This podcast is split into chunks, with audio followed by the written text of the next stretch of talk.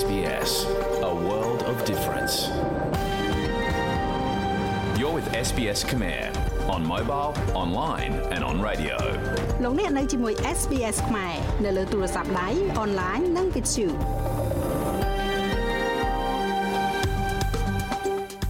យើងខ្ញុំសូមទទួលស្គាល់ទំនៀមទម្លាប់ប្រពៃណីទឹកដីដែលយើងកំពុងតែផ្សាយចេញពីថ្ងៃនេះ SPS ខ្មែរសូមគោរពដល់ប្រជាជន Wurundjeri Woi Wurrun នៃប្រជាជាតិ Kulin និងចាស់ទុំរបស់ពួកគេតាំងពីអតីតកាលនិងបច្ចុប្បន្នយើងក៏សូមទទួលស្គាល់ម្ចាស់ទំនៀមទម្លាប់ប្រពៃណីទឹកដីនៃជនជាតិដើម Aboriginal និងអ្នកកោះ Torres Strait ទាំងអស់ដែលលោកអ្នកកំពុងតែស្ដាប់នេះ ហើយនៅថ្ងៃនេះគឺជាថ្ងៃទី11រោចខែចែកឆ្នាំឆ្លូវត្រីស័កពុទ្ធសករាជ2565ដែលត្រូវនឹងថ្ងៃពុធទី27ខែមេសាឆ្នាំ2022នាងខ្ញុំហៃសុផារនីសូមនាំមកជូននៅកម្មវិធីផ្សាយដែលមានជាបន្តបន្ទាប់ដូចតទៅគណៈកម្មការសមភាពការងារ Fair Work Commission ពិចារណាលើករណីបង់ប្រាក់ឈ្នួលបន្ថែមឲ្យបុគ្គលិកមើលថែទាំមនុស្សចាស់ តើអ្វីខ្លះដែលគេរំពឹងថាអាចនឹងកើតឡើងនៅក្នុងការបោះឆ្នោតសហព័ន្ធឆ្នាំនេះអូស្ត្រាលីជួយសិក្សាលើការរៀបចំទីក្រុងវៃឆ្លាតនៅរាជធានីភ្នំពេញមគ្គុទេសតាំងទីលំនៅស្ដីអំពីរបៀបបោះឆ្នោតនៅក្នុងប្រទេសអូស្ត្រាលីចាស់ហើយទាំងអស់នេះនឹងមានជម្រាបជូនលោកលោកស្រីនៅនាងកញ្ញាបន្ទាប់ពីនេតិព័ត៌មាន អូស្ត្រាលីបញ្ជូនជំនួយយោធាបន្ថែមទៅកាន់ប្រទេសអ៊ុយក្រែនគ្រូបង្រៀនដើរចេញពីសាលារៀននៅទីក្រុងស៊ីដនីក្នុងថ្ងៃបើកបវេសនកាលត្រីមាសទី2ដើម្បីធ្វើកោតកម្មតវ៉ាលក្ខខណ្ឌដែលតម្រូវឲ្យផ្ដាច់ខ្លួនឯងចេញឆ្ងាយពីគេសម្រាប់ទំនាក់ទំនងជិតស្និទ្ធក្នុងគ្រួសារដែលកើត COVID-19 កំពុងតែត្រូវបានលុបចោលនៅទូទាំងប្រទេស កំភ្លើងធំដែលបាញ់បានចម្ងាយឆ្ងាយចំនួន6គ្រឿងទៀតកំពុងតែធ្វើដំណើរពីប្រទេសអូស្ត្រាលីទៅកាន់ប្រទេសអ៊ុយក្រែនដែលមានតម្លៃជាង26លានដុល្លារអូស្ត្រាលីខណៈដែលរុស្ស៊ីបង្កើនការវាយលុករបស់ខ្លួននៅតំបន់ Donbas វាគឺជាផ្នែកមួយនៃជំនួយផ្នែកយោធាដែលកំពុងបន្តជួយដល់ប្រទេសអ៊ុយក្រែនជាមួយនឹងការបរិច្ចាគសពាវុធរបស់អូស្ត្រាលីឥឡូវនេះមានចំនួនសរុប 225លានដុល្លារបូកបន្ថែមនឹង65លានដុល្លារដែលបានចំណាយនៅក្នុងជំនួយមនុស្សធម៌លោកនាយករដ្ឋមន្ត្រី Scott Morrison មានប្រសាសន៍ថារដ្ឋាភិបាលនឹងបន្តស្វែងរកឱកាសដើម្បីផ្តល់ជំនួយយោធាបន្ថែមទៀត There's 6M 777 មានកំភ្លើងធំ M777 155មីលីម៉ែត្រទម្ងន់ស្រាលចំនួន6គ្រឿងដែលសំខាន់ខ្លាំងណាស់ចំពោះចំនួននឹងការប្រយុទ្ធដែលរំពឹងទុកទាំងនេះថានឹងកើតឡើងនៅក្នុងប្រទេសអ៊ុយក្រែននោះគឺជាសំណើដែលបានធ្វើឡើងមកខាងយើងហើយយើងគ្រាន់តែរីករាយក្នុងការជួយគ្រប់គ្រងប៉ុណ្ណោះ រដ្ឋមន្ត្រីក្រសួងមហាផ្ទៃអូស្ត្រាលីនិយាយថាលទ្ធភាពនៃការដាក់ពង្រាយទ័ពរបស់ចិននៅលើប្រជុំកោះសូឡូមុននៅឆ្នាំក្រោយទំនងជាអាចកាន់តែខ្លាំងឡើងខ្លាំងឡើងហើយ។ ប្រទេសនៅលើកោះប៉ាស៊ីហ្វិកខាងត្បូងមួយនេះកាលពីសប្តាហ៍មុនបានចុះហត្ថលេខាលើកិច្ចព្រមព្រៀងសន្តិសុខដ៏ចម្រូងចម្រាសជាមួយនឹងទីក្រុងប៉េកាំងដែលធ្វើឲ្យអ្នកជំនាញការពារជាតិព្រួយបារម្ភអំពីវត្តមានយោធាចិនជាសក្តានុពលនៅក្នុងតំបន់លោកស្រី Karen Andrews បានផ្ដល់យោបល់ថាចិនមានចេតនាកំណត់ពេលវេលា ក្នុងការប្រកាសកិច្ចព្រមព្រៀងសន្តិសុខនេះដើម្បីបំផ្លាញឱកាសបោះឆ្នោតរបស់បកសម្ព័ន្ធ។ លោកស្រីបានប្រាប់ ABC ថាពេលវេលាគឺគួរឲ្យសង្ស័យ why now why right ហេតុអ្វីឥឡូវនេះហេតុអ្វីបានជានៅចំកណ្ដាលយុទ្ធនាការនៃការបោះឆ្នោតសហព័ន្ធអ្វីអ្វីទាំងអស់នេះបានលេចចេញជារូបរាងខ្ញុំមានន័យថា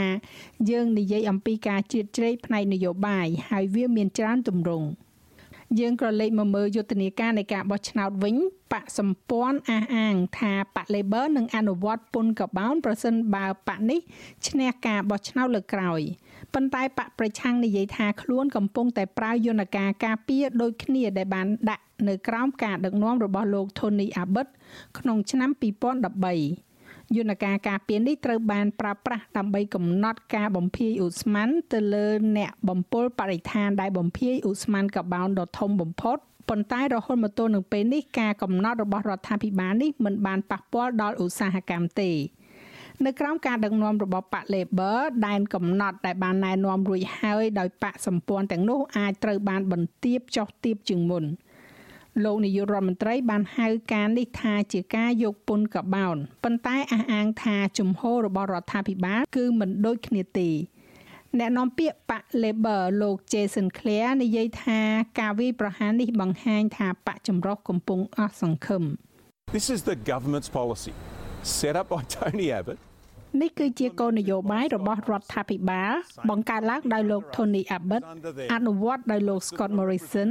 ក្រុមហ៊ុនដូចគ្នានៅក្រោមពួកយើងក៏ដូចជានៅក្រោមពួកគេដែរភាគច្រើននៃពួកគេត្រូវបានតំណាងដោយក្រុមប្រឹក្សាធុរកិច្ចនៃប្រទេសអូស្ត្រាលី ដែលបានផ្ដល់ការណែនាំដល់ពួកយើងពីរបៀបបង្កើតឲ្យវាដំណើរការបានល្អជាងមុនហើយយើងនឹងធ្វើតែតាមនោះឯង គ្រូបង្រៀនប្រមាណជា40នាក់បានដើរចេញពីថ្នាក់រៀននៅសាលារៀនមួយក្នុងទីក្រុងស៊ីដនីជាការធ្វើកោតកម្មតវ៉ានៅមុនពេលមានដំណើរទស្សនកិច្ចពីលោកអភិបាលរដ្ឋ New South Wales គឺលោក Dominic Perrottet តែបន្តិចប៉ុណ្ណោះដើម្បីជាកិច្ចបើកស្វាគមន៍បវេសនការត្រីមាសថ្មីក្រុមគ្រូបង្រៀនទាំងនេះបានដើរចេញពីវិទ្យាល័យ Masden High School ដោយអ្នកខ្លះមានកាន់ផ្លាកដែលសរសេរថា ច្រើនជាងការអរគុណ វាកើតឡើងនៅពេលដែលក្រុមប្រឹក្សារដ្ឋនៃសហព័ន្ធគ្រូបង្រៀន New South Wales បានអនុញ្ញាតឲ្យសមាជិកដើរចេញពីទីធ្លាសាលារៀនប្រសិនបើមានសមាជិកសភារដ្ឋាភិបាលណាម្នាក់ដើរចូលទៅទីនោះគ្រូបង្រៀននៅសាលារដ្ឋជាច្រើនរូបក្រងនឹងដើរចេញពីការងារនៅថ្ងៃពុធសប្តាហ៍ក្រោយដើម្បីស្វែងរកការដំឡើងប្រាក់បៀវត្ស5.7%ហើយទាមទារឲ្យមានការដោះស្រាយបញ្ហាកង្វះខាតបុគ្គលិក។ លោកផេរ៉ូតេមានប្រសាសន៍ថាទង្វើនេះគឺជាការមិនទទួលខុសត្រូវហើយថាមានវិធីដែលមានផលិតភាពច្រើនជាងនេះនៅក្នុងការដោះស្រាយបញ្ហាកង្វល់ជាមួយនឹងប្រាក់ឈ្នួល Uh, this is the Labor Party uh, and the union នេះគឺជាគណៈបក Labor ហើយចលនាសហជីពកំពុងតែលេងនយោបាយជាមួយនឹងកូនសិស្សនិងឪពុកម្ដាយរបស់យើងហើយខ្ញុំបានបញ្ជាក់យ៉ាងច្បាស់យ៉ាងច្បាស់ណាស់ដល់ថ្នាក់មិនអាចបញ្ជាក់ឲ្យច្បាស់ជាងនេះទៀតទេ ថាយើងកំពុងតែធ្វើការដោះស្រាយនៅបញ្ហាទាំងនោះជាមួយនឹងសហជីពខ្ញុំបានជួបជាមួយនឹងរដ្ឋមន្ត្រីក្រសួងអប់រំនិងប្រធានសហព័ន្ធគ្រូបង្រៀនយើងកំពុងតែឆ្លងកាត់បញ្ហាទាំងនោះតាមរបៀបដែលមានរចនាសម្ព័ន្ធដើម្បីឲ្យមានលទ្ធផលត្រឹមត្រូវនិងសមហេតុសមផលយើងក៏លេខមកមើលស្ថានភាព COVID-19 វិញលក្ខខណ្ឌដែលតម្រូវឲ្យនៅដាច់ដោយឡែកសម្រាប់ទំនាក់ទំនងជិតស្និទ្ធក្នុងគ្រួសារដែលកើត COVID-19 កំពុងតែត្រូវបានលុបចោលនៅទូទាំងប្រទេស រដ្ឋអូស្ត្រាលីខាងលិចចាប់ពីម៉ោង12:01នាទីព្រឹកថ្ងៃសុក្រទី29ខែមេសានេះទៅនឹងលុបចោលនៅតម្រូវការផ្ដាច់ខ្លួនឯងចេញឆ្ងាយពីគេសម្រាប់ទំនាក់ទំនងជិតស្និទ្ធដែលមិនមានរោគសញ្ញារដ្ឋ New South Wales រដ្ឋ Victoria និងដែនដី ACT បានលុបចោលតម្រូវការនេះរួចហើយដោយរដ្ឋ Queensland នឹងធ្វើតាមនៅម៉ោង6ល្ងាចថ្ងៃប្រហ័សស្អែកនេះ ហើយរដ្ឋអូស្ត្រាលីខាងត្បូងនឹងអនុវត្តនៅថ្ងៃសៅរ៍ទី30ខែមេសានៅក្នុងដែនដីភៀកខាងជើងបច្ចុប្បន្នច្បាប់នេះអនុវត្តតែចំពោះអ្នកដែលបានចាក់វ៉ាក់សាំងពេញលេញតែប៉ុណ្ណោះ។ ទំនាក់ទំនងជិតស្និទ្ធក្នុងគ្រួសាររបស់ប្រជាជននៅរដ្ឋ Tasmania ដែលមានមេរោគនេះនៅតែតម្រូវឲ្យនៅដាច់ដោយឡែកនៅផ្ទះរយៈពេល7ថ្ងៃប៉ុន្តែរដ្ឋាភិបាលក្នុងតំបន់បានកំណត់ថាការប្រកាសស្តីអំពីផ្លូវឆ្ពោះទៅមុខនឹងធ្វើឡើងនៅចុងសប្តាហ៍នេះ។ នៅក្នុងប្រទេសកម្ពុជាវិញលោកនាយករដ្ឋមន្ត្រីហ៊ុនសែនក៏បានប្រកាសលើកលែងកាតព្វកិច្ចពាក់ម៉ាស់នៅតាមទីវាលសាធារណៈនានានៅទូទាំងប្រទេសចាប់ពីព្រឹកថ្ងៃទី26ខែមេសាម្សិលមិញនេះទៅ ដោយទុកឲ្យប្រជាពលរដ្ឋគឺជាអ្នកសម្រេចចិត្តខ្លួនឯងថាតើគួរពាក់ម៉ាស់ឬក៏មិនពាក់ម៉ាស់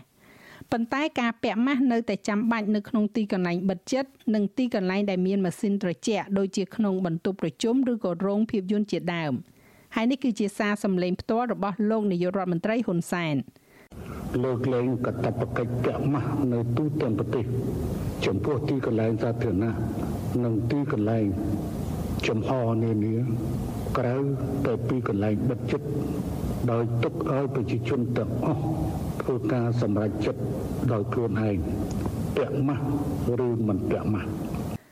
ចាស់ហើយលោកមេងផល្លានឹងជួនសេចក្តីរាយការណ៍លម្អិតនៅវគ្គក្រោយបន្ថែមទៀតឬលោកអ្នកអាចចូលស្ដាប់របាយការណ៍ពេញនៅលើគេហទំព័ររបស់យើងនោះគឺ sps.com.au/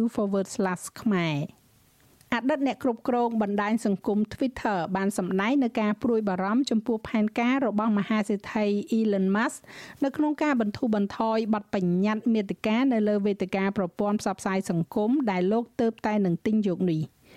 លោក Musk បានសន្យាថានឹងធ្វើឲ្យ Twitter កាន់តែប្រសើរជាងពេលណាណាទាំងអស់ជាជំរកនៃការបញ្ចេញមតិដោយសេរី បន្ទាប់ពីការដេញថ្លៃទិញយករបស់លោកចំនួន61,000លានដុល្លារអូស្ត្រាលីត្រូវបានបញ្ជាក់អះអាងឡើង។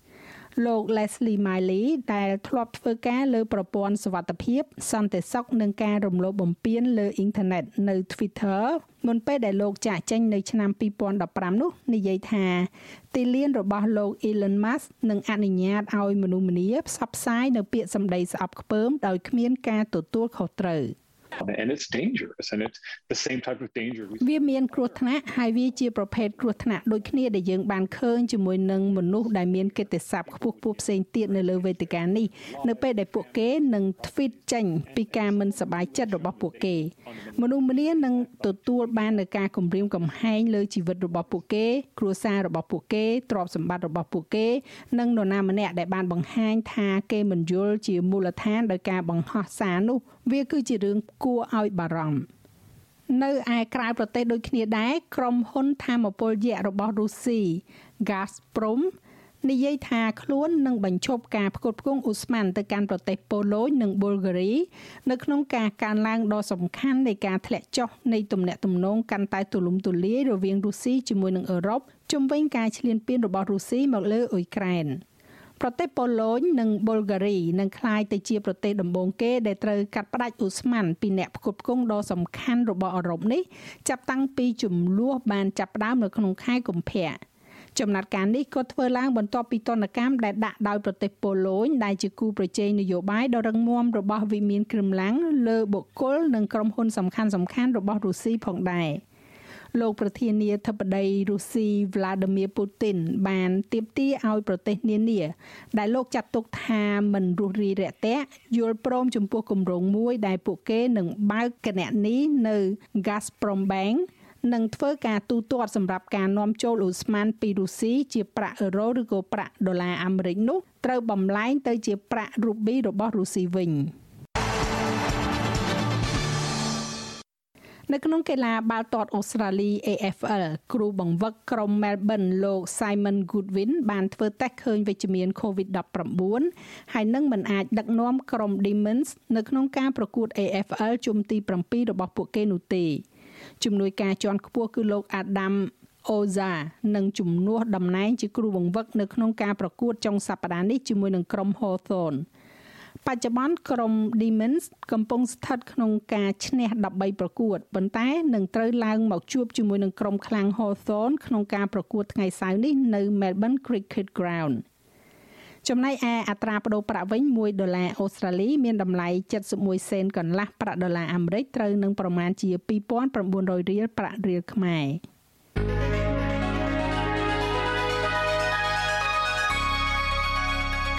ឥឡូវយើងក៏លេខមកមើលការព្យាករណ៍អាកាសធាតុសម្រាប់ថ្ងៃប្រហ័សស្អែកនេះវិញ នៅទីក្រុងផឺតរលឹម21អង្សា នៅអាដាលេដមានពពកដោយពេល27អង្សា មានពពកនៅមែលប៊ន23អង្សា នៅហូបាតរលឹមបន្តិចបន្តួច21អង្សាដូចគ្នានៅខេនបារ៉ា19អង្សា និងស៊ីដនី25អង្សា Brisbane ក៏មានរលឹមដែរ27អង្សា Cairn ក៏រលឹមបន្តិចបន្តួច30អង្សា Darwin រលឹមបន្តិចបន្តួចអាចនឹងមានព្យុះ33អង្សា ទីក្រុងភ្នំពេញមានផ្គររន្ទះ36អង្សា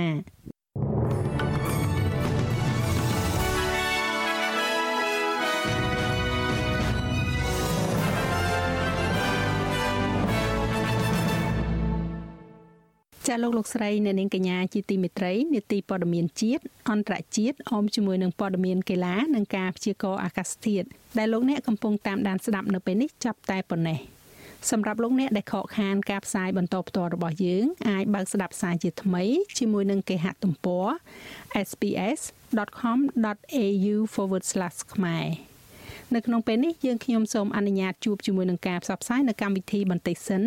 ជួបគ្នាវិញនៅក្នុងវគ្គក្រោយជាមួយនឹងរបាយការណ៍ជាច្រើនមានទាំងរបាយការណ៍នៅក្នុងប្រទេសអូស្ត្រាលីក៏ដូចជារបាយការណ៍ពីប្រទេសកម្ពុជាផងដែរចាសសូមស្វាគមន៍មកកាន់កម្មវិធីផ្សាយជាបន្តរបស់ SBS ខ្មែរសម្រាប់ការផ្សាយនៅថ្ងៃពុធទី27ខែមេសាឆ្នាំ2022នេះ ដោយដែលលោកអ្នកជ្រាបរួចហើយថាក្រៅពីការស្ដាប់ការផ្សាយបន្តផ្ទាល់លោកអ្នកអាចបើកស្ដាប់ការផ្សាយឡើងវិញតាមរយៈគេហទំព័ររបស់យើងនោះគឺ sps.com.au/ ខ្មែរនៅក្នុងវគ្គនេះលោកអ្នកនឹងបានជ្រាបនៅរបាយការណ៍ចំនួន2ដែលរបាយការណ៍ទី1នោះនិយាយពាក់ព័ន្ធជាមួយនឹងការពិចារណាទៅលើករណីបង់ប្រាក់ឈ្នួលបន្ថែមទៅឲ្យបុគ្គលិកកម្មករមើលថែទាំមនុស្សចាស់ឬហៅថា aged care ហើយរបាយការណ៍មួយទៀតនោះនិយាយថាតើអ្វីខ្លះដែលគេអាចរំពឹងថានឹងកើតឡើងនៅក្នុងការបោះឆ្នោតសហព័ន្ធនៅក្នុងខែឧសភាខាងមុខនេះចាដូច្នេះសូមតាមដានស្ដាប់នៅរបាយការណ៍ទាំងនេះជាមួយនឹងនាងខ្ញុំដូចតទៅ sbs.com.au/ ខ្មែររឿងក្តីដ៏សំខាន់មួយក្នុងការដំឡើងប្រាក់ឈ្នួលដល់បុគ្គលិកកម្មករវិស័យមើលថែទាំមនុស្សចាស់របស់អូស្ត្រាលី បានចាប់ផ្ដើមនៅទីក្រុងស៊ីដនី គណៈកម្មការសមភាពការងារ Fair Work Commission នឹងសម្រេចថាតើអ្នកដែលធ្វើការងារមើលថែទាំមនុស្សចាស់នៅក្នុងផ្ទះនិងនៅក្នុងមណ្ឌលគួរទទួលបាននៅការដំឡើងប្រាក់ឈ្នួល25%ដែរឬក៏យ៉ាងណារាប់ចាប់តាំងពីបុគ្គលិកមើលថែទាំផ្ទាល់ខ្លួន រហូតដល់ចុងភៅនិងអ្នកបោះសម្អាតបុគ្គលិកមើលថែទាំមនុស្សចាស់នៅទូទាំងប្រទេសអូស្ត្រាលីកំពុងតែប្រយុទ្ធតស៊ូទាមទារប្រាក់ឈ្នួលខ្ពស់ជាងមុន។ លោក Matt Casteo គឺជាមេចុងភៅដែលមានបទពិសោធន៍20ឆ្នាំនៅក្នុងឧស្សាហកម្មថែទាំមនុស្សចាស់និយាយថា អ្នករស់នៅក្នុងមណ្ឌលជាច្រើនមានតម្រូវការស្មុគស្មាញ។ aged care in every level in every ការថែទាំមនុស្សចាស់នៅគ្រប់កម្រិតក្នុងគ្រប់ការងារគឺជាការងារដែលពិបាកនិងមានតម្លៃទាបមិនគួរឲ្យជឿយើងត្រូវបំពេញទៅតាមតម្រូវការពិសេសជាច្រើនសម្រាប់មនុស្សជាច្រើន តាមពិតវាគឺជាការងារដែលមានជំនាញខ្ពស់ប៉ុន្តែបានប្រាក់ខែដូចការងារដែលគ្មានជំនាញដែរយោងទៅតាមសហជីពសេវាសុខភាពជាតិបានឲ្យដឹងថា បុគ្គលិកមើលថែទាំក្នុងកម្រិតចូលធ្វើការងារដំបូងដំបូងទទួលបានប្រាក់ឈ្នួលប្រមាណជា21ដុល្លារក្នុងមួយម៉ោងសហជីពនេះកំពុងអំពាវនាវឲ្យគណៈកម្មការសមភាពការងារឬក៏ Fair Work Commission បង្កើននៅប្រាក់ឈ្នួល25%បន្ថែមពីនេះប្រធានសហជីពលោក Gerard Hayes ពន្យល់ Over many years we've seen people in aged care ជាច្រើនឆ្នាំមកនេះ យើងបានឃើញមនុស្សនៅក្នុង Age Care មិនទទួលបាននូវសេចក្តីថ្លៃថ្នូរដែលពួកគេសមនឹងទទួលបាននោះទេដូច្នេះអ្វីដែលយើងកំពុងធ្វើនៅថ្ងៃនេះគឺការធ្វើសេចក្តីថ្លែងការណ៍មួយ ការដំឡើងប្រាក់ឈ្នួល25%គឺជាអ្វីដែលបុគ្គលិក Age Care ត្រូវការដើម្បីផ្ដល់នូវសេចក្តីថ្លៃថ្នូរការគោរពនិងការយកចិត្តទុកដាក់ដល់មនុស្សដែលដាក់យើងនៅក្នុងតំណែងដែលយើងមានសពថ្ងៃនេះនេះមិនមែនគ្រាន់តែជាបញ្ហាឧស្សាហកម្មនិងផ្លូវច្បាប់ទេ នេះគឺជាបញ្ហាសិលធម៌និងសង្គមគេរំពឹងថាសាក់សីរាប់សិបនាក់នឹងផ្ដល់ផុសតាងនៅក្នុងសវនាការរួមទាំងសហជីពបុគ្គលិកនិងអ្នកផ្ដល់សេវាកម្មថែទាំមនុស្សចាស់ផងដែរមេធាវីនៃ Morris Blackburn អ្នកនាង Alex Grayson កំពុងតែតំណាងឲ្យសហជីពសេវាសុខភាពនេះ So since November 2020 ដូច្នេះចាប់តាំងពីខែវិច្ឆិកាឆ្នាំ2020មកសេចក្តីថ្លែងការណ៍ជាង100ត្រូវបានដាក់ក្នុងបញ្ហានេះហើយយើងមានតួលេខមួយតួលេខដ៏សំខាន់មួយនៃការដាក់ស្នើពីនយោជកក្នុងការគ្រប់គ្រងកម្មវិធីរបស់ HSU ហើយនោះពិតជាមានសារៈសំខាន់ខ្លាំងណាស់ Fair Work Commission ត្រូវបានគេប្រាប់ថា មានតិចតួចណាស់ដែលបានធ្វើដើម្បីអនុវត្តអនុសាសន៍ចំនួន148ពីទីគណៈកម្មការវិស័យមើលថែទាំមនុស្សចាស់កាលពីពេលថ្មីថ្មីនេះនៅក្នុងការដាក់ស្នើរបស់ខ្លួនសហព័ន្ធគិលានុបដ្ឋាយិកានិងឆ្មបអូស្ត្រាលីបាននិយាយថាមានគិលានុបដ្ឋាយិកាធ្វើការនៅក្នុងវិស័យថែទាំមនុស្សចាស់ជាច្រើនអ្នកដែលបានចាក់ចែងពីវិស័យនេះដោយសារតែវិបត្តិនេះបានคล้ายទៅជាច្រើនពេកមិនអាចទ្រាំទ្របាន។ វាមិនមែនជារឿងចៃដន្យទេដែលការងារនេះដែលភាគច្រើនធ្វើដោយស្ត្រីត្រូវបានគេវាយតម្លៃទាបជាប្រវត្តិសាស្ត្រអ្នកនាង Grayson និយាយថាវាដល់ពេលដែលត្រូវផ្លាស់ប្ដូរហើយ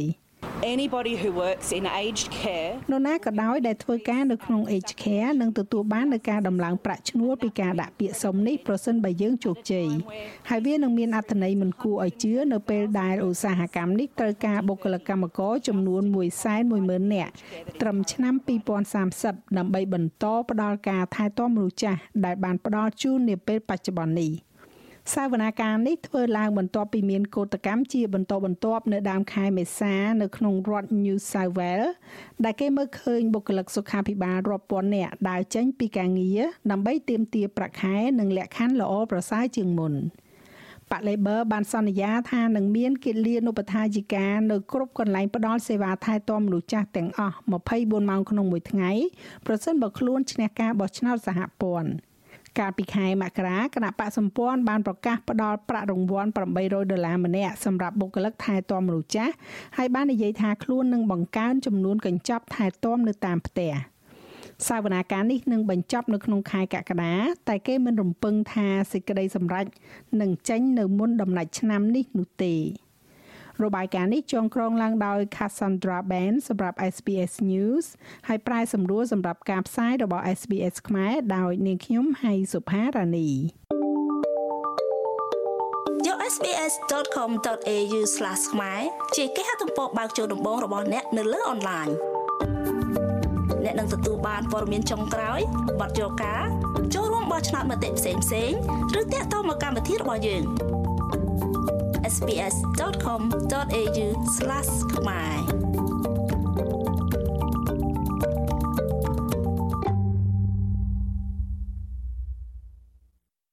ការបោះឆ្នោតថ្នាក់ជាតិនៅក្នុងប្រទេសអូស្ត្រាលីនឹងប្រព្រឹត្តទៅនៅថ្ងៃទី21ខែឧសភាខាងមុខនេះ។ តាមរយៈការស្ទង់មតិបង្ហាញថាបក Labor នាំមុខគេនៅក្នុងការបោះឆ្នោតលើកនេះប៉ុន្តែអ្នកវិភាគនិយាយថាវាពិបាកនិយាយណាស់ថាអ្នកណានឹងឈ្នះពិតប្រាកដនៅយប់ថ្ងៃបោះឆ្នោតយកទៅតាមការស្ទង់មតិរបស់កាសែតអូស្ត្រាលី ដែលបោះពុម្ពផ្សាយនៅថ្ងៃទី4ខែមេសាបក Labor នាំមុខបកចម្រុះក្នុងសម្លេង54ទល់នឹង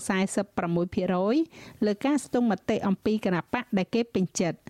ហើយនៅក្នុងការស្ទង់មតិពីនាយករដ្ឋមន្ត្រីដែលល្អប្រសើរជាងគេវិញមេដឹកនាំទាំងពីរគឺទទួលបានការគ្រប់គ្រងប្រដំប្រសងគ្នា ដោយលោក Scott Morrison នាំមុខលោក Anthony Albanese ត្រឹមមួយពិន្ទុប៉ុណ្ណោះគឺ43ទល់នឹង42%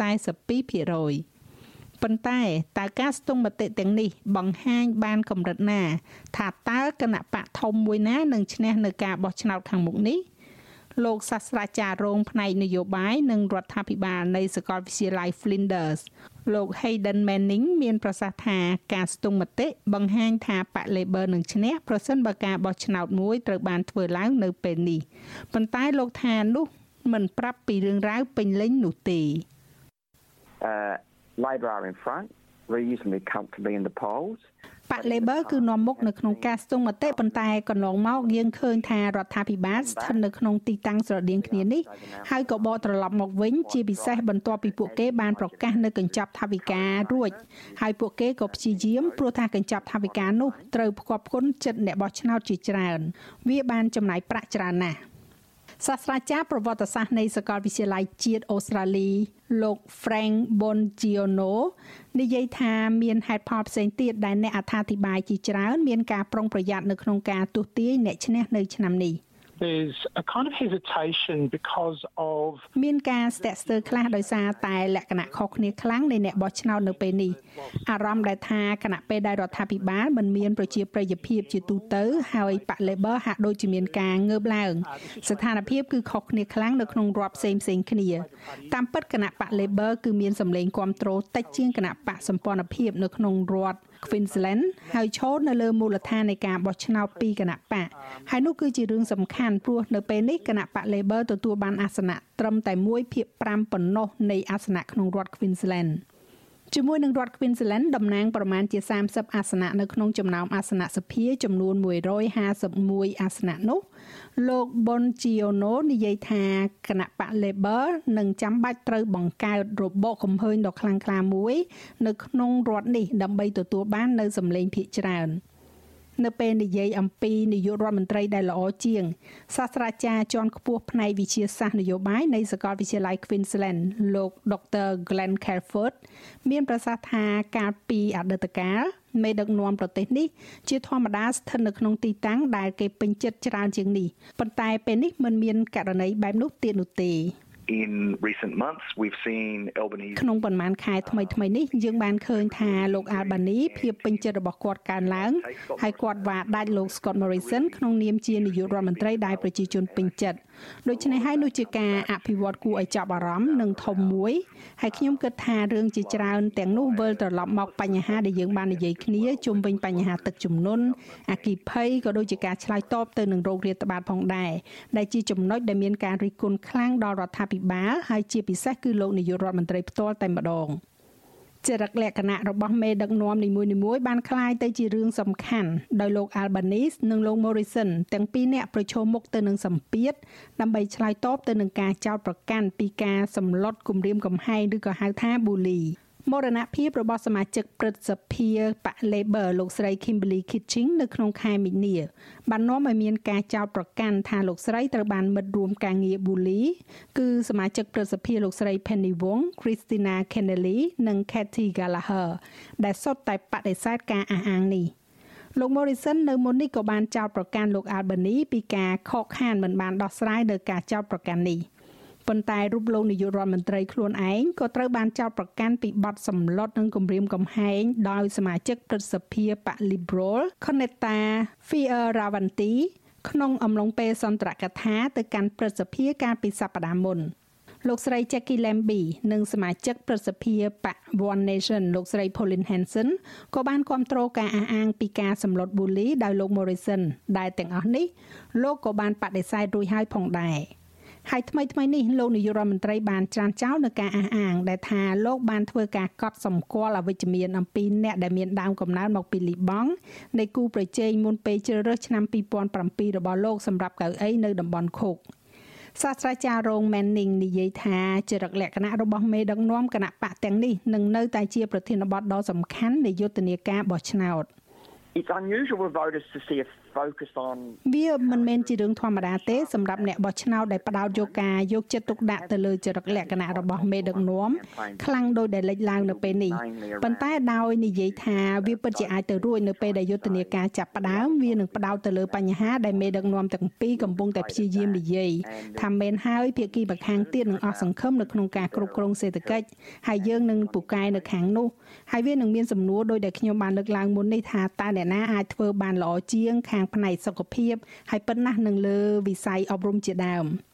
បញ្ហាបំរែបំរួលអាកាសធាតុបានក្លាយទៅជាកង្វល់ដ៏ធំមួយក្នុងចំណោមអ្នកបោះឆ្នោតជាមួយនឹងភាពខុសគ្នារវាងអ្នករស់នៅទីក្រុងរស់នៅជាក្រុងនិងនៅតំបន់ជនបទលោក Manning មានប្រសាសន៍ថាលោករំពឹងថានឹងមានយុទ្ធនាការដ៏ខ្លាំងក្លាមួយដោយក្រុមឯករាជ្យជាច្រើន នៅក្នុងកៅអីប៉ Liberal ដែលការប្រែប្រួលអាកាសធាតុនឹងក្លាយជាចំណុចសំខាន់។ ហើយមនុស្សមួយចំនួនធំកំពុងតែប្រកាន់យកនៅវិធីសាស្ត្របោះឆ្នោតមុនកាលកំណត់រួមទាំងការបោះឆ្នោតតាមប្រៃសណីដែលតាមទំនៀមទម្លាប់គឺជាវិធីរបស់អ្នកបោះឆ្នោតដែលមានវ័យចំណាស់ចំណាស់និងអ្នកអភិរក្សនិយមការបោះឆ្នោតមុនកាលកំណត់អាចប៉ះពាល់ដល់របៀបដែលគោលនយោបាយសំខាន់សំខាន់របស់គណៈបកនឹងត្រូវបានបង្ហាញនៅដើមដំបូងហើយធ្វើឲ្យវាកាន់តែពិបាកនៅក្នុងការកំណត់ចំនួនចុងក្រោយនៅយប់បោះឆ្នោត។ ដុកទ័រ Cafford មានប្រសាសន៍ថាការបោះឆ្នោតសហព័ន្ធមុនមុននៅក្នុងប្រទេសអូស្ត្រាលីគឺជាការប្រកួតប្រជែងដ៏ប្រកៀកប្រកិតគ្នាហើយការកើនឡើងនៃការគ្រប់គ្រងសម្រាប់បេក្ខជនឯករាជ្យក៏កំពុងតែចាប់ផ្ដើមផ្លាស់ប្ដូរលក្ខណៈនៃនយោបាយដែលវាមិនមែនសម្រាប់តែគណៈបកធំធំទាំងពីរនេះនោះទេ។ លោកនិយាយទៀតថាវានឹងក្លាយទៅជាបញ្ហាប្រឈមមួយនៅក្នុងការតាក់ទងជាមួយនឹងអ្នកបោះឆ្នោតបន្ទាប់ពីការលាតត្រដាងរបស់អ្នកនាង Britney Higgins ស្ដីអំពីវប្បធម៌នៅក្នុងសភាសហព័ន្ធនិងវិបត្តិទឹកជំនន់ភ្លើងឆេះព្រៃនិងរោគរាតត្បាត។ many many people are មនុស្សជាច្រើនមានការនឿយហត់យ៉ាងខ្លាំងចំពោះនយោបាយដោយដែលយើងដឹងហើយថាមិនមែនដោយសារអ្វីអ្វីគ្រប់យ៉ាងដែលយើងធ្លាប់ឆ្លងកាត់នោះទេប៉ុន្តែជាការមិនពេញចិត្តជាទូទៅចំពោះផ្នែកផ្សេងផ្សេងនៃលទ្ធិប្រជាធិបតេយ្យអូស្ត្រាលីហើយពួកគេកំពុងស្វែងរកអ្វីដែលប្លែកអ្នកអត្ថាធិប្បាយខ្លះនិយាយថាវាអាចទៅរួចដែលថាការបោះឆ្នោតសហព័ន្ធនេះអាចនឹងមានលទ្ធផលដែលត្រូវព្យួរសភា វាមានន័យថាទាំងបក Labor និងបកសម្ព័ន្ធ Liberal និង National មិនអាចទទួលបាននូវអាសនៈភាគច្រើននៅក្នុងសភាតំណាងរាស្ត្រទេដែលជាសេណារីយ៉ូដែលបានកើតឡើងចុងក្រោយនៅពេលដែលលោកស្រី Julie Gillard របស់គណៈបក Labor ជានាយករដ្ឋមន្ត្រីកាលពីឆ្នាំ2010សាស្ត្រាចារ្យ Bongiono និយាយថាការកើនឡើងនៃការបោះឆ្នោតសម្រាប់គណៈបកតូចតូចនិងសមាជិកសភាឯករាជ្យអាចធ្វើឲ្យលទ្ធផលคล้ายទៅជាបែបនេះ។ The idea of a hung parliament គំនិតនៃការថានឹងមានការព្យួរសភានោះខ្ញុំគិតថាវាមិនមែនថាมันអាចទៅរួចទាល់តែសោះនោះទេពីព្រោះអ្នកដឹងស្រាប់ហើយថាសមាជិក crossband ហាក់ដូចជាកាន់តែធំទៅធំទៅដោយសារតែអ្នកបោះឆ្នោតកាន់តែច្រើនបានងាកទៅរកគណៈបកតូចតូចនិងសមាជិកសភាឯករាជ្យខ្ញុំមានន័យថាអត្រានៅក្នុងការបោះឆ្នោតពីរលើកចុងក្រោយគឺប្រហែលជាមួយភាគ4សម្រាប់សភាជាន់ទាប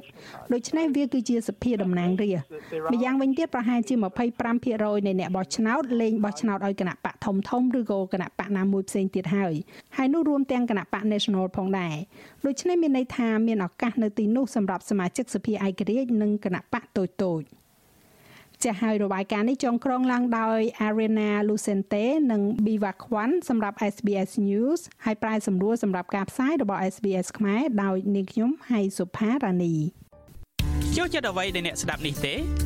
Subscribe SBS ខ្មែរនៅលើ Podcast Player ដែលលោកអ្នកចូលចិត្តលោកលោកស្រីអ្នកនាងកញ្ញារបាយការណ៍ទាំងនេះមានជូននៅលើគេហទំព័ររបស់យើងនោះគឺ sps.com.au/ ខ្មែរនៅក្នុងវគ្គក្រោយលោកអ្នកនឹងបានស្ដាប់នៅរបាយការណ៍ពីប្រទេសកម្ពុជាជាមួយនឹងលោកមេងផល្លាវិញម្ដង តែនៅពេលនេះយើងខ្ញុំសូមអនុញ្ញាតជួបជាមួយនឹងការផ្សព្វផ្សាយនៅកម្មវិធីបន្តិចសិន ចាស់លោកលោកស្រីអ្នកនាងកញ្ញាជាទីមេត្រីសូមស្វាគមន៍មកកាន់កម្មវិធីផ្សាយជាបន្តទៀតរបស់ SPS ខ្មែរដែលធ្វើការផ្សាយបន្តផ្ទាល់នៅរៀងរាល់ថ្ងៃពុធនិងថ្ងៃសុក្រវេលាម៉ោង3ដល់ម៉ោង4រសៀលម៉ោងស្តង់ដារអូស្ត្រាលីខាងកើតតាមរលកកម្ពស់1107ប៉ុស AM សម្រាប់អ្នករស់នៅទីក្រុងស៊ីដនី និង1224ប៉ុស AM សម្រាប់អ្នករស់នៅទីក្រុង Melbourne ឬក៏នៅលើ Vuthu ឬទូរទស្សន៍ Digital ប៉ុស SPS Radio 1នៅក្នុងវគ្គនេះលោកលោកស្រីនៅនាងកញ្ញានឹងជួបជាមួយនឹងលោកមេងផល្លាដែលធ្វើសេចក្តីរាយការណ៍ពីទីក្រុងភ្នំពេញដូចតទៅខ្ញុំបាទមេងផល្លាមានសេចក្តីរាយការណ៍និយម2កម្ពុជាសម្រាប់លើកលែងកាតព្វកិច្ចពាក់ម៉ាស់នៅតាមទីសាធារណៈ និងសេចក្តីរាយការណ៍មួយទៀតនិយមពីអូស្ត្រាលីជួយសិក្សាលើការរៀបចំទីក្រុងវៃឆ្លាតនៅរាជធានីភ្នំពេញជាដំបូងខ្ញុំបាទមានសេចក្តីរាយការណ៍និយម2កម្ពុជាសម្រេចលើកលែងកាតព្វកិច្ចពាក់ម៉ាស់នៅតាមទីសាធារណៈ តាមរយៈសារសម្លេងកាលពីព្រឹកថ្ងៃទី26ខែមេសាលោកនាយរដ្ឋមន្ត្រីហ៊ុនសែនបានប្រកាសលើកលែងកាតព្វកិច្ចពាក់ម៉ាស់នៅតាមទីសាធារណៈនានានៅក្នុងប្រទេសកម្ពុជា ចាប់ពីពេលនេះតទៅ គឺចាប់ពីថ្ងៃទី26ខែមេសាដោយទុកឲ្យប្រជាពលរដ្ឋជាអ្នកសម្រេចចិត្តខ្លួនឯងថាគួរពាក់ម៉ាស់ឬមិនពាក់ម៉ាស់ក៏បានក៏ប៉ុន្តែការពាក់ម៉ាស់នៅតែចាំបាច់នៅក្នុងទីកន្លែងបិទជិតនិងទីកន្លែងដែលមានម៉ាស៊ីនត្រជាក់ដូចជាក្នុងបន្ទប់ប្រជុំឬក្នុងរោងភាពយន្តជាដើមលើកលែងកតបកិច្ចពាក់ម៉ាស់នៅទូទាំងប្រទេសចំពោះទីកន្លែងសាធារណៈនិងទីកន្លែងចំហនានាក្រៅទៅពីកន្លែងបិទជិតដោយទុកឲ្យប្រជាជនទាំងអស់ ធ្វើការសម្រេចចិត្តដោយខ្លួនឯងពាក់ម៉ាស់ឬមិនពាក់ម៉ាស់ដូច្នេះមានន័យថាចាប់ពីម៉ោងដែលបងប្អូនទទួលបាននៅសារសម្លេងនេះបងប្អូនអាចជ្រើសរើសដោយខ្លួនឯងបន្តពាក់ម៉ាស់តទៅទៀតឬក៏ឈប់ពាក់ម៉ាស់នៅកន្លែងដែលចំហក្រៅពីកន្លែងដែលមានការបិទជិត អត្តន័យនៃកន្លែងដែលមានការបិទជិតតែខ្ញុំប្រកាសណាខ្ញុំចង់និយាយគឺសំដៅទៅលើបន្ទុកនៃការប្រជុំដែលមានការបិទជិតហើយប្រើម៉ាស៊ីនត្រជាក់ឬក៏នៅក្នុងរោងភាពយន្តដែលមានមនុស្សនៅទីនោះហើយដែលមានការបិទចិត្តប្រើដោយម៉ាស៊ីនត្រជាក់ ប៉ុន្តែក្នុងករណីដែលមានការលំហដូចជាការនៅក្នុងអាគារដដែលប៉ុន្តែមានលំហនៅខាងក្រៅអាចដោះម៉ាស់ចេញហើយកាន់តែច្បាស់ទៅទៀតនៅតាមផ្លូវសាធារណៈនៅតាមសួនច្បារនៅតាមកន្លែងកំសាន្តផ្សេងផ្សេង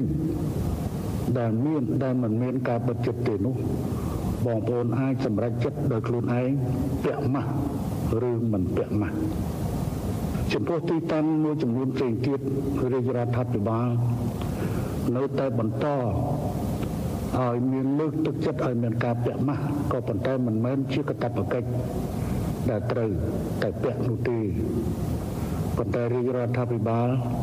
ក៏នៅតែរីកនៅតែយកចិត្តទុកដាក់លើកទឹកចិត្តឲ្យមានការពាក់ម៉ាស់នៅកន្លែងដែលមានមនុស្សកក់កេញប្រមូលផ្ដុំនៅនៅនឹងនឹងទីកន្លែងដែលមានការសង្ស័យថាអាចមានករណី COVID នៅទីនោះ ការដកចេញនៅវិធានការពាក់ម៉ាស់នៅតាមទីសាធារណៈនេះគឺធ្វើឡើងបន្ទាប់ពីរាជរដ្ឋាភិបាលកម្ពុជា សង្កេតឃើញថានៅកម្ពុជា អត្រាឆ្លងជំងឺ Covid-19 មានអត្រាទាបបំផុត ជាពិសេសនៅក្រៅពិធីបុណ្យចូលឆ្នាំថ្មីប្រពៃណីជាតិខ្មែរទោះបីជារដ្ឋាភិបាល បានអនុញ្ញាតឲ្យរៀបចំពិធីបុណ្យចូលឆ្នាំថ្មីដោយគ្មានការរឹតបន្តឹងវិធានការសុខាភិបាលហើយជាពិសេសពលរដ្ឋជាច្រើនបានចូលរួមកំសាន្តសប្បាយដោយមិនបានពាក់ម៉ាស់ឬក៏មិនបានរក្សាគម្លាតឲ្យបានត្រឹមត្រូវនោះឡើយ។ទោះជាយ៉ាងនេះក្តីរាជរដ្ឋាភិបាលកម្ពុជាបានលើកទឹកចិត្តឲ្យពាក់ម៉ាស់នៅកន្លែងដែលមានការសង្ស័យឬក៏កន្លែងដែលមានមនុស្សច្រើនប្រមុខរាជរដ្ឋាភិបាលកម្ពុជាក៏សង្ឃឹមថាប្រជាពលរដ្ឋខ្មែរនឹងបានរំដោះខ្លួនចេញពីការលំបាកដោយការចំណាយក្នុងការទិញម៉ាស់ដែលជំនួសមកវិញនៅការចាក់វ៉ាក់សាំងដោយពលរដ្ឋត្រូវទៅចាក់វ៉ាក់សាំងដូសទី3ឲ្យបានគ្រប់គ្រប់គ្នា សូមរំលឹកថាស្ថានភាពជំងឺ Covid-19 នៅកម្ពុជាគឺតាំងពីមុនចូលឆ្នាំរហូតដល់ពេលនេះករណីឆ្លង Covid-19 មានក្រោម30នាក់ក្នុងមួយថ្ងៃមួយថ្ងៃ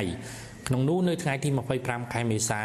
នៅកម្ពុជាមានករណីឆ្លង Covid ប្រភេទ Omicron តែ2នាក់ប៉ុណ្ណោះ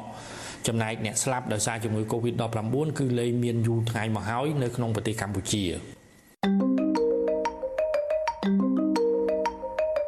ស្ដាប់និងចូលរួមបញ្ចេញយោបល់ជាមួយ SBS ដោយ download កម្មវិធី SBS Radio App ស្ដាប់ផ្ទាល់ឬស្ដាប់ឡើងវិញតាមពេលវេលាដែលអ្នកចង់ស្ដាប់ចូលរួមបោះឆ្នោតឆ្លើយសំណួរផ្សេងផ្សេងនិងធ្វើការទំនាក់ទំនងមកពួកយើង ជាកម្មវិធីឥតគិតថ្លៃដែលអ្នកអាចយកបានពី App Store ឬ Google Play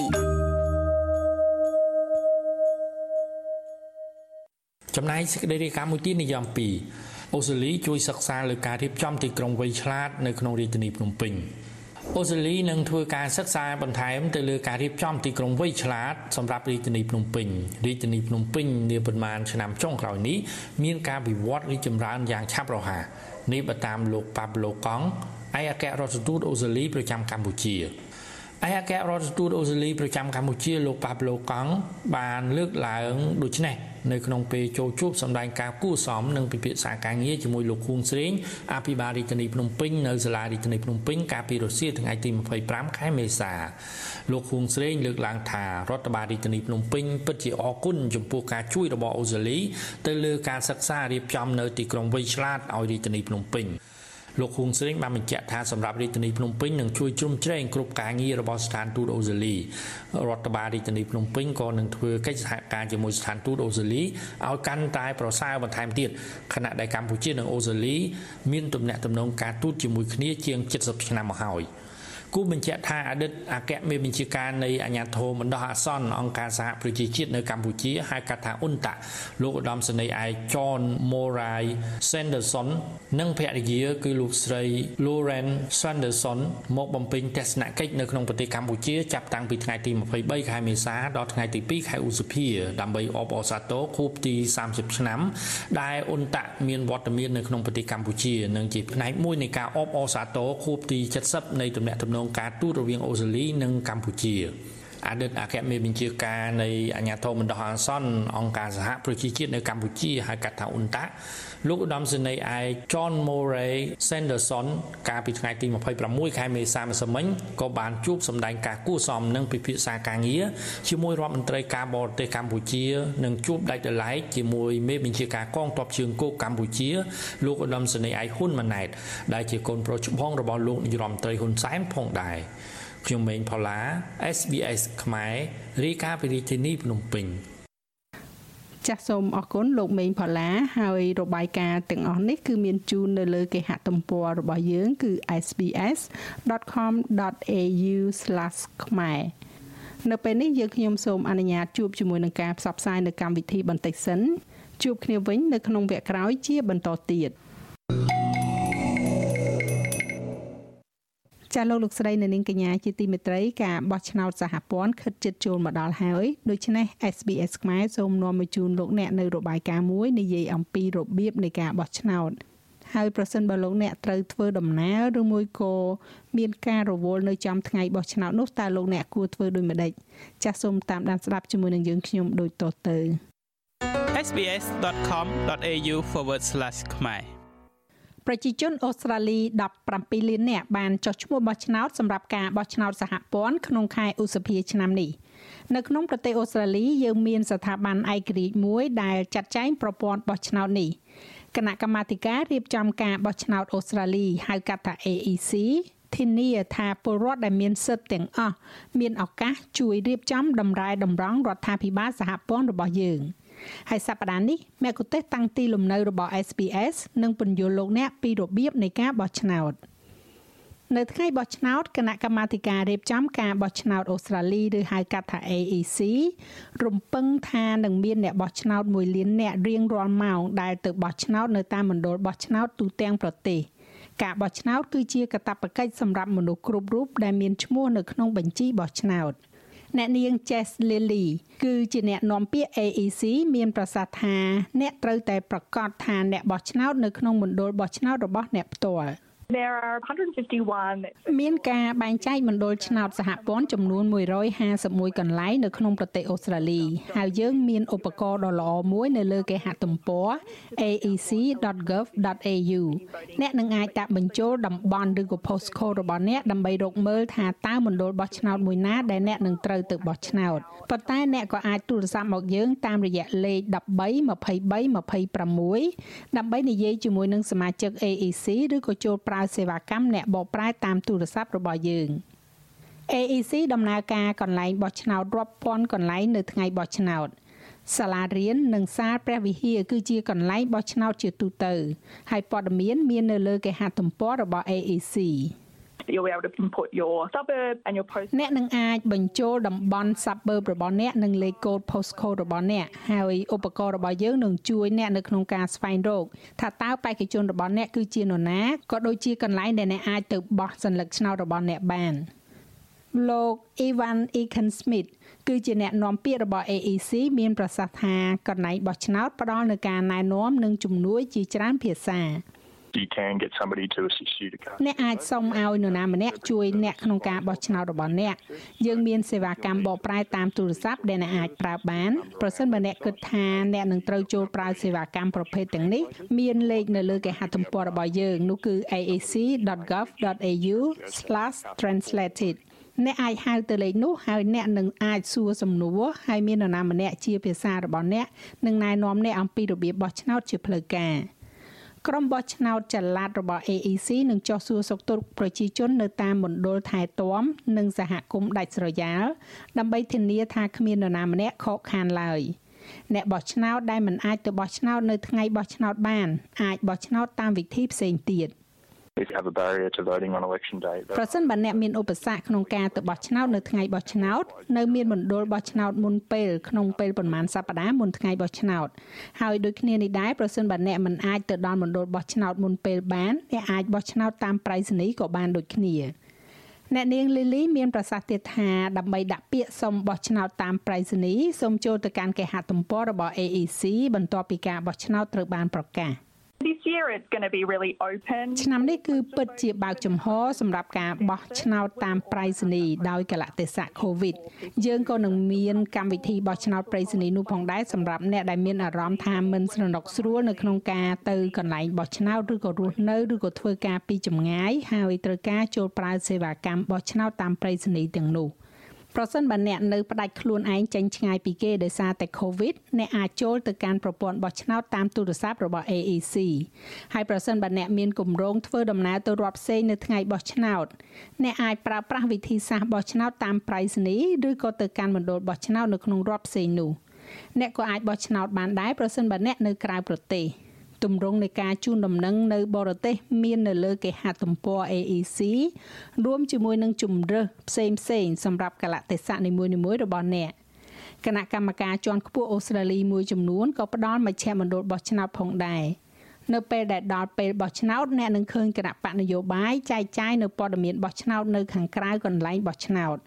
អ្នកវិភាគការបោះឆ្នោតលោក William Bowie មានប្រសាសន៍ថាសូមកុំឲ្យពួកគេបំភាន់រូបអ្នក What the parties do is that they hand out អ្វីដែលគណៈបកធ្វើគឺពួកគេចែកបានរបៀបបោះឆ្នោត នៅស្តង់បោះឆ្នោត នៅថ្ងៃបោះឆ្នោតដែលនាំឲ្យអ្នកបំពេញសញ្ញាឆ្នោតរបស់អ្នកតាមវិធីជាក់លាក់ណាមួយអ្នកមិនចាំបាច់បោះឆ្នោតតាមវិធីនោះទេ វាគ្រាន់តែជាអនុសាសន៍ប៉ុណ្ណោះនៅក្នុងការបោះឆ្នោតសហព័ន្ធអ្នកនឹងបោះឆ្នោតឲ្យតំណាងនៅក្នុងតំបន់របស់អ្នក។ while people usually think of an election គណៈពេលដែលប្រជាជនជាទូទៅគិតថាការបោះឆ្នោតគឺតាក់ទងទៅនឹងការជ្រើសរើសមេដឹកនាំជាតិមេដឹកនាំជាតិនឹងក្លាយជាមេដឹកនាំនៃគណៈបកដែលឈ្នះអាសនៈច្រើនជាងគេនៅក្នុងសភាហើយអ្នកនឹងមិនបោះឆ្នោតឲ្យមេដឹកនាំនោះដោយផ្ទាល់ទេអ្នកបោះឆ្នោតនឹងទទួលបាននៅសញ្ញាឆ្នោត2សញ្ញា មួយពណ៌បៃតង និងមួយសញ្ញាទៀតពណ៌សសញ្ញាឆ្នោតពណ៌បៃតងគឺបោះឆ្នោតឲ្យមនុស្សម្នាក់នៅក្នុងមណ្ឌលបោះឆ្នោតរបស់អ្នកដើម្បីចូលរួមនៅក្នុងសភាតំណាងរាស្ត្រឬដែលយើងហៅថាសភាជាន់ទាបបច្ចុប្បន្នមានអាសនៈចំនួន151អាសនៈនៅក្នុងសភាតំណាងរាស្ត្រដែលតំណាងឲ្យមណ្ឌលបោះឆ្នោតនីមួយៗលោកបូវីពន្យល់ it's in the lower house that the វាស្ថិតនៅក្នុងសភាជាន់ទាបដែលរដ្ឋាភិបាលត្រូវបានបង្កើតឡើងហើយវាគឺជាគណៈបកដែលឈ្នះអាសនៈច្រើនជាងគេនៅក្នុងសភាជាន់ទាបដែលតាមធម្មតាគឺជាអ្នកបង្កើតរដ្ឋាភិបាលមេដឹកនាំគណៈបកមួយឬក៏បកសម្ព័ន្ធមួយคล้ายទៅជានាយករដ្ឋមន្ត្រីដើម្បីបោះឆ្នោតនៅលើសញ្ញាឆ្នោតពណ៌បៃតងអ្នកត្រូវសរសេរលេខ1នៅជាប់នឹងបេក្ខជនដែលអ្នកពេញចិត្ត បន្ទាប់មកលេខ2នៅជាប់ជំរើសទី2របស់អ្នកហើយបន្តរហូតដល់ដាក់លេខរៀនចូលទៅក្នុងគ្រប់ប្រអប់ទាំងអស់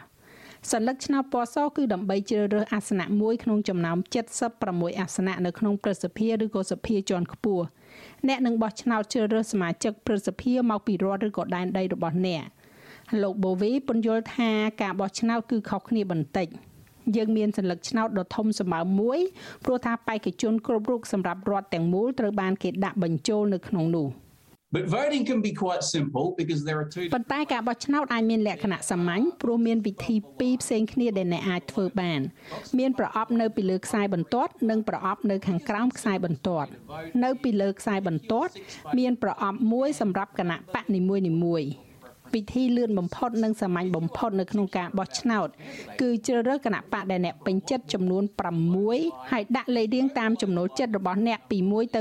6ប្រសិនបើអ្នកចង់បោះឆ្នោតជាពិសេសអំពីបេក្ខជនជាក់លាក់នោះអ្នកអាចដាក់លេខនៅក្នុងប្រអប់ដែលមានចំនួនច្រើនជាងនេះឆ្ងាយណាស់នៅខាងក្រោមខ្សែបន្ទាត់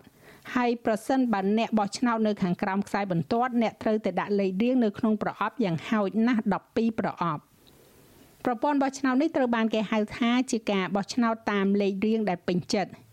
ការដាក់លេខរៀងចូលទៅក្នុងប្រអប់តាមលំដាប់លំដោយដែលលោកអ្នកពេញចិត្តគឺអនុញ្ញាតឲ្យការបោះឆ្នោតរបស់អ្នកមានទម្ងន់កាន់តែច្រើន លោកបូវីពន្យល់ the seat is not simply won by the អាសនៈមិនមែនគ្រាន់តែឈ្នះបានទៅលើបេក្ខជនដែលទទួលបាននៅការគូសជ្រើសរើសច្រើនជាងគេនៅលើសញ្ញាឆ្នោតនោះទេអ្នកត្រូវតែទទួលបាន50%នៃសញ្ញាឆ្នោតដើម្បីឈ្នះកៅអីនោះប្រសិនបើគ្មាននរណាម្នាក់ទទួលបាន50%នៃសញ្ញាឆ្នោតនោះទេនោះបន្ទាប់មកអ្នកដកចេញនៅបេក្ខជនដែលជាប់នៅចុងក្រោយគេបង្អស់ អ្នកមើលសញ្ញាឆ្នោតទាំងនោះម្ដងទៀត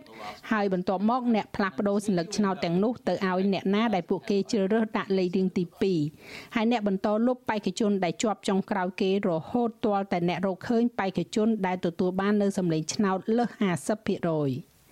អ្នកត្រូវប្រកាសថាធ្វើតាមការណែនាំបោះឆ្នោតដោយប្រុងប្រយ័ត្នប្រសិនបើសញ្ញាឆ្នោតរបស់អ្នកមិនបំពេញឲ្យបានត្រឹមត្រូវទេ វានឹងក្លាយជាការបោះឆ្នោតក្រៅផ្លូវការហើយមិនត្រូវបានរាប់បញ្ចូលនៅក្នុងលទ្ធផលបោះឆ្នោតនោះទេឧទាហរណ៍នៃការបោះឆ្នោតក្រៅផ្លូវការរួមមាន ការគូសប្រអប់ដោយសញ្ញាថេកឬក៏សញ្ញាឈើឆ្កាងជំនួសឲ្យការដាក់លេខឬក៏សរសេរអ្វីមួយនៅលើសញ្ញាឆ្នោតដែលអាចកំណត់អត្តសញ្ញាណបានថាជាសញ្ញាឆ្នោតរបស់អ្នក ការបោះឆ្នោតគឺជាកាតព្វកិច្ចហេតុផលត្រឹមត្រូវសម្រាប់ការមិនទៅបោះឆ្នោតគឺជាការសម្រេចចិត្តរបស់ AEC ដែលនឹងវាយតម្លៃអំពីស្ថានភាពជាក់លាក់របស់អ្នកជាឧទាហរណ៍ AEC យល់ថាអ្នកខ្លះនៅក្រៅប្រទេសប្រហែលជាមិនអាចទៅបោះឆ្នោតបានអ្នកនាំពាក្យ AEC លោក Ekan Smith ពន្យល់ថា អ្នកដែលខកខានមិនបានទៅបោះឆ្នោតអាចនឹងត្រូវផាកពិន័យ if anybody enrolled doesn't turn up ប្រសិនបើអ្នកណាម្នាក់ដែលបានចុះឈ្មោះហើយតែមិនបានទៅបោះឆ្នោតពួកគេអាចទទួលបាននៅអ្វីដែលយើងហៅថាជាការជូនដំណឹងអ្នកមិនបោះឆ្នោតប្រសិនបើអ្នកមានហេតុផលត្រឹមត្រូវនោះវាមិនអីទេ អ្នកគ្រាន់តែប្រាប់យើងឲ្យដឹងបើមិនដូច្នោះទេអ្នកត្រូវតែបង់ប្រាក់ពិន័យ20ដុល្លារហើយប្រសិនបើយើងមិនទទួលបាននូវការឆ្លើយតបពីការជូនដំណឹងដែលមិនទៅបោះឆ្នោតនោះវាអាចនឹងបញ្ចប់នៅក្នុងតុលាការជាមួយនឹងថ្លៃសេវា1 170ដុល្លារនិងការចំណាយលើតុលាការដែលពាក់ព័ន្ធទោះជាយ៉ាងណាក៏ដោយការពិន័យពិតប្រកបគឺអ្នកខកខានមិនបានបញ្ចេញសម្លេងរបស់អ្នកដូច្នេះសូមធ្វើការស្រាវជ្រាវខ្លះៗហើយទៅបោះឆ្នោតឲ្យបានត្រឹមត្រូវដើម្បីស្វែងយល់បន្ថែមស្ដីអំពីរបៀបនៃការបោះឆ្នោតសូមចូលទៅកាន់គេហទំព័រ aec.gov.au ឬទូរស័ព្ទទៅលេខ13 23 26 របាយការណ៍នេះចងក្រងឡើងដោយ Melissa Companoni ហើយប្រាយសម្រួលសម្រាប់ការផ្សាយរបស់ SBS ខ្មែរដោយនាងខ្ញុំហៃសុផារ៉ានី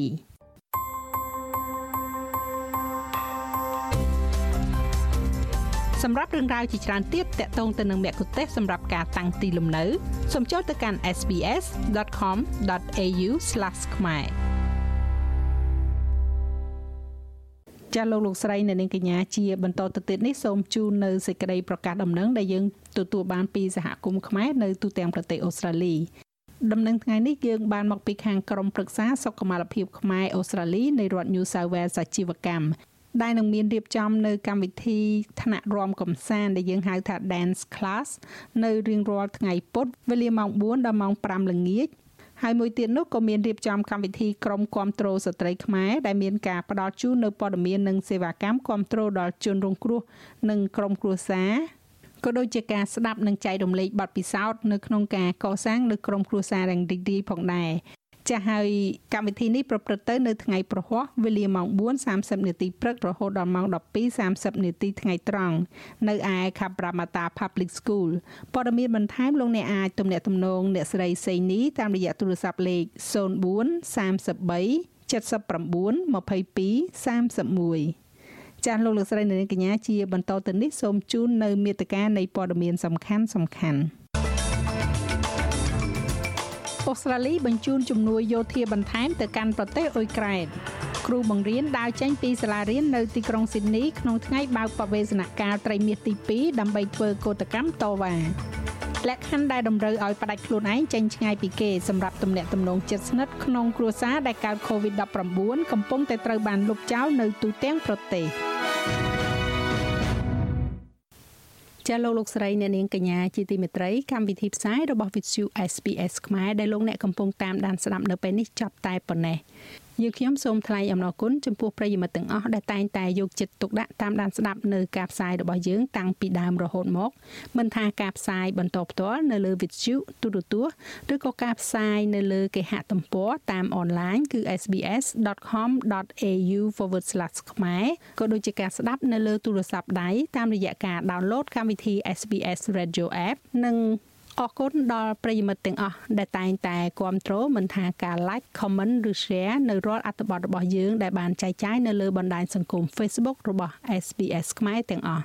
កម្មវិធីយើងសន្យាថានឹងវិលមកជួបលោកលោកស្រីនៅនាងកញ្ញាវិញនៅក្នុងការផ្សាយលើកក្រោយ គឺនៅថ្ងៃសុក្រវេលាម៉ោង3ដល់ម៉ោង4រសៀលម៉ោងស្តង់ដារអូស្ត្រាលីខាងកើតនៅពេលនេះនាងខ្ញុំហៃសុផារនីនិងសហការីទាំងអស់សូមអរគុណនិងសូមគោរពលា សាយ័ន្តសួស្តី